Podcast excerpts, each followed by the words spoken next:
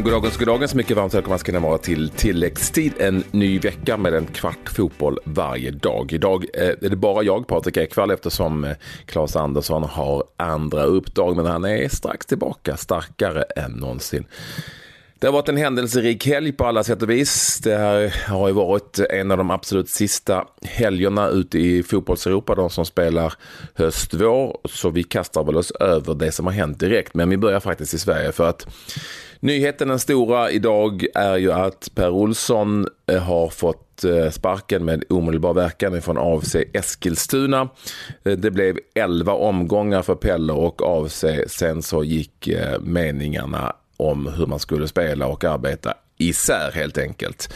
Inte en enda seger i Allsvenskan nu för av sig. Så Pelle Olsson får lämna, inte särskilt överraskande. Det har ju varit en hel del spekulationer om hur det skulle bli med Pelle just inför de här senaste matcherna. Och eh, senast 1-4 i baken innebar, alltså mot Djurgården innebar att Pelle Olsson alltså får lämna. Det skulle inte överraska alls om vi till slut ser honom i Gävle igen. Eftersom Gävle går en enorm kräftgång i superettan, ligger nu sist i den ligan direkt efter nedflyttningen från allsvenskan. Och lär kanske också göra förändringar eh, som innebär en ny tränare. Och då utgår jag från att Peder Olsson är det första samtalet de slår. Det om detta, annars var det ju förstås så att eh, det var Francesco Tottis stora avskeds söndag. Eh, det blev ju så att han avslutade sin eh, karriär i Roma efter 25 säsonger i klubben, 787 matcher och 307 mål.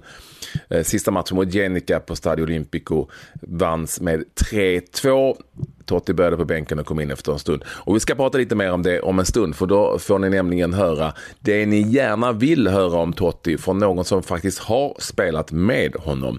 Nämligen den sista svensken som faktiskt spelade en hel del matcher med Totti i Roma. Ni hör honom om en liten stund och det är värt att stanna kvar för det är rätt sköna stories som jag inte tror att ni visste tidigare om denna Francesco Totti. Eh, men det är om en liten stund. De allsvenska resultaten då? Ja, det var ju två stycken matcher och det var ju två stycken oavgjorda matcher. Surprise, surprise. Det har ju varit väldigt mycket oavgjort i allsvenskan den här säsongen. Extremt mycket oavgjort eh, till och med. Eh, först och främst var det ju då Hammarby-Jönköping 2-2 på eh, Tele2 Arena. I en väldigt snurrig match överhuvudtaget som ehm, eh, eh, framförallt eh, blev sönderstyckad av en tidig utvisning på eh, Hammarbys eh, mittback Magyar efter två ganska snabba varningar.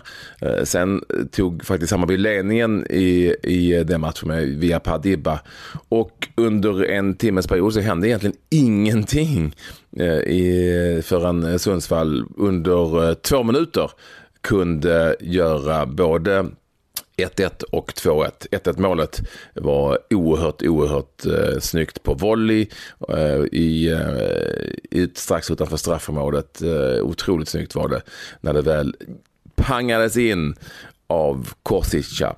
Eh, 2-1 kom sen direkt efter det eh, och det var Ajuk som gjorde det i en kontring. Och sen när alla trodde att eh, Hammarby hade förlorat den där matchen och när eh, tränare eh, Mikkelsen blev uppvisad på läktaren, eller rättare sagt han gick rakt in i omklädningsrummet i slutet, så stack Bayern upp och via en hörna, mycket snyggt slagen av Smarason, kunde Solheim pricka in 2-2 med pannan. Men som sagt, en snurrig match. Det var ju ganska hett och varmt igår och det märktes i den här matchen och inte minst märktes det i eh, mötet Västderbyt som det kallas mellan IFK Göteborg och Elfsborg på Ullevi. Där tog vi oss på tidigt ledningen, 1-0 eh, efter att ha satt ganska hård och snabb tuff press på eh, Blåvitt så kunde boråsarna rulla in i öppet mål via Jebali 1-0 målet redan i den tredje minuten. Tobias Hysén fortsätter göra mål för IFK Göteborg. Han gjorde 1-1 målet strax före paus.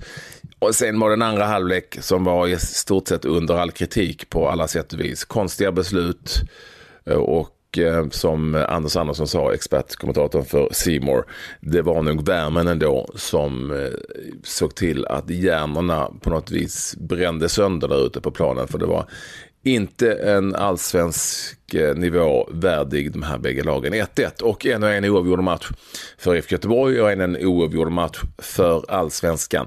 29 oavgjorda matcher så här långt efter 10 omgångar. Jag tittade och räknade lite på den, den, eh, de ligorna som spelar vår höst som eh, vi gör här i Sverige och som man kan jämföra med Norge och Finland. Finland var det inte riktigt tio omgångar, lite drygt nio omgångar på sina håll. Och där har det spelats 15 oavgjorda matcher. I Norge 10 omgångar, lite exakt som Sverige, 21 oavgjorda matcher. Så det är betydligt många fler oavgjorda matcher i allsvenskan än i de närliggande ligorna. I övrigt då, jo det har fortsatt spela fotboll. Vi trodde den danska ligan var färdigspelad men det var inte det. Det var ytterligare en omgång kvar men FCK hade ju redan vunnit ligan. Eh, de fick åtminstone lyfta pokalen igår efter ehm, att ha spelat en sista omgång i den här mästerskapsligan som de ju har spelat. Ska vi titta på det som är Dagens svensk. Så får det väl ändå bli Marcus Rodén, absolut. Efter det att Crotone mirakulöst lyckats fixa nytt kontrakt i Serie A. Det som krävdes inför den sista omgången det var en seger i sista matchen för Crotone på hemmaplan samtidigt som Empoli skulle möta redan eh, degraderade Palermo. Eh, förvisso på ön där, eh, men ändå. Det var väl få som trodde att Palermo, eller att Empoli skulle Eh, förlora den matchen. Men det gjorde de med 2-1 samtidigt som Crotone då vann med 3-1. Vilket innebar att Crotone via fyra segrar på de sista sex matcherna med Marcos Rodén som hade en assist i eh, segermötet mot Lazio på hemmaplan lyckades fixa nytt kontrakt i Serie A. En eh, stor sensation om vi bara går några månader tillbaka helt enkelt. Kul för Marcos Rodén. Victor Nilsson Lindelöf blev cupmästare för Benfica. Det blev en dubbel där efter cupsegern med 2-1 mot Gimares, Vitoria Gimares.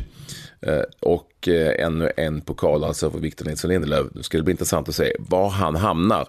För att det är väl väldigt många som tror att det antingen blir England, Manchester United eller möjligtvis eh, Italien. Det är många lag som rycker i Victor Nilsson Lindelöf. De fortsätter att spela och spela och spela och spela i Grekland. Playoff-mötena där, Panathinaikos med Niklas Hult, slog Panionios med 1-0, AIK Aten med Astrid Ajdarevic och Jakob Johansson på bänken. Johansson fick spela, slog Pauk med 1-0. I Danmark mörker för Robin Söder.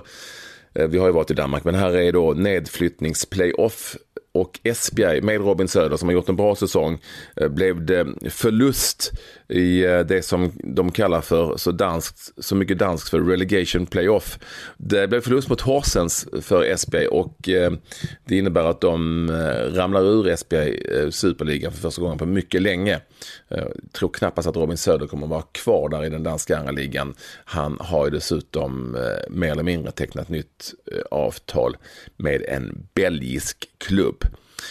Ja, det var i stort sett det hela från en intensiv helg. Lite av det med lite svensk intressen förstås.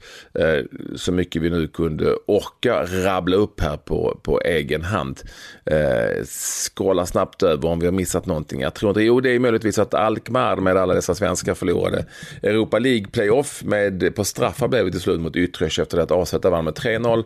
Hemma blev det förlust 3-0 borta och sen straffar som Utrecht lyckades vinna. Inga svenskar i spel dock för AZ. Eh, både eh, Tankovic och Mattias Johansson på bänken i den där matchen. Men nu som sagt eh, handlar det bara om Francesco Totti, den fantastiska lagkaptenen som gjorde sin sista match för Roma i helgen. Hur är han egentligen?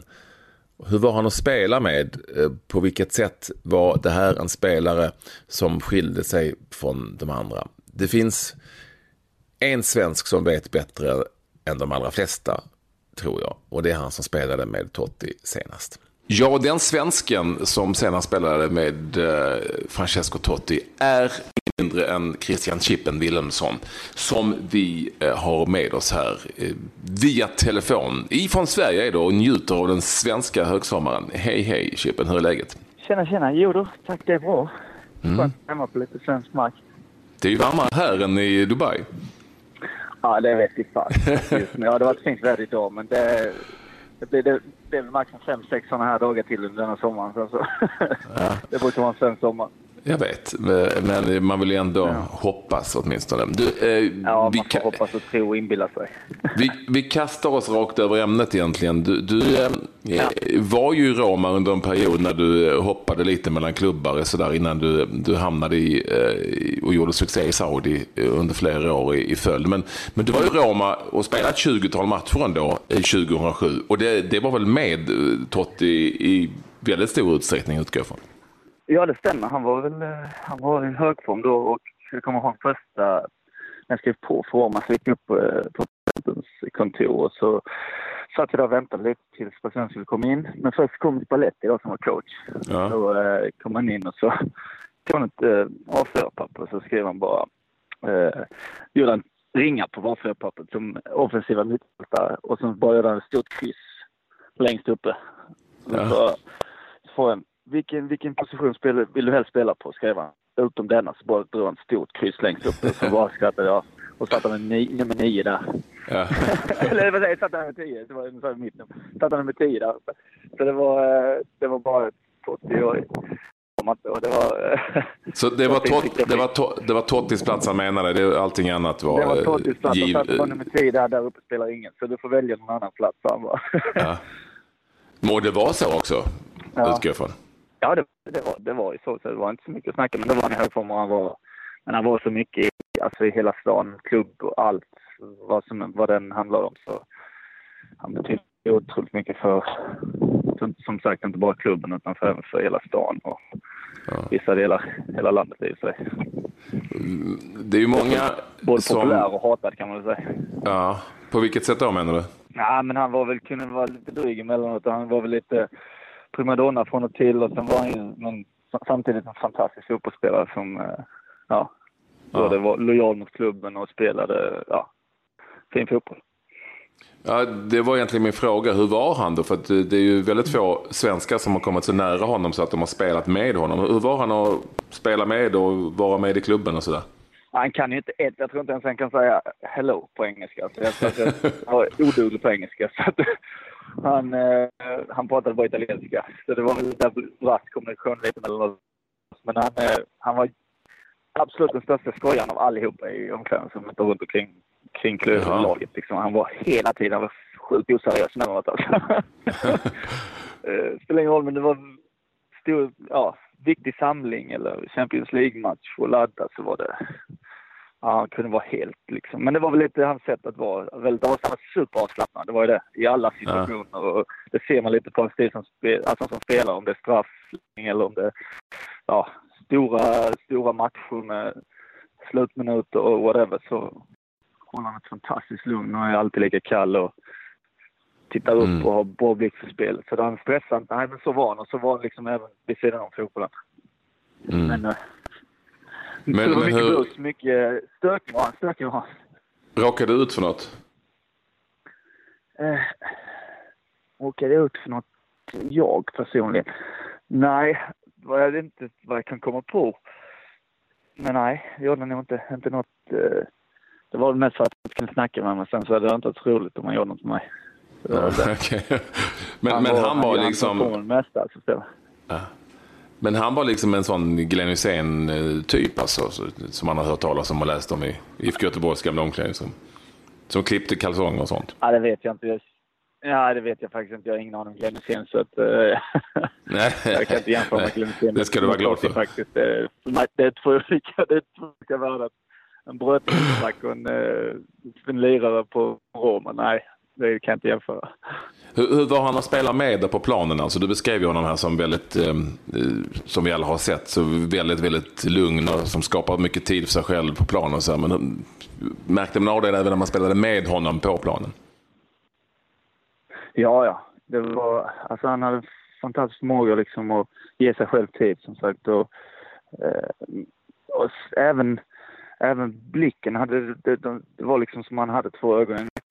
Spelade mycket med Eh, felvänd med ryggen mot mål och han som kunde ta emot bollen och sen vinkla och skarva. Alltså det var ibland jag kommer ihåg på träningen, det var faktiskt det var extremt eh, skicklig var när det gällde det att, att ha split vision och förmåga att veta var han hade sina medspelare. Så det var ju främst, det, var liksom det vi, vi Spalletti byggde upp det spelet kring det liksom att vi bara, det var bara att springa liksom och löpa. Vi behövde liksom inte riktigt ha ögonkontakt med honom utan det var, det räcker med att ha nackkontakt med honom så, så fick du bollen över varandra. Ja.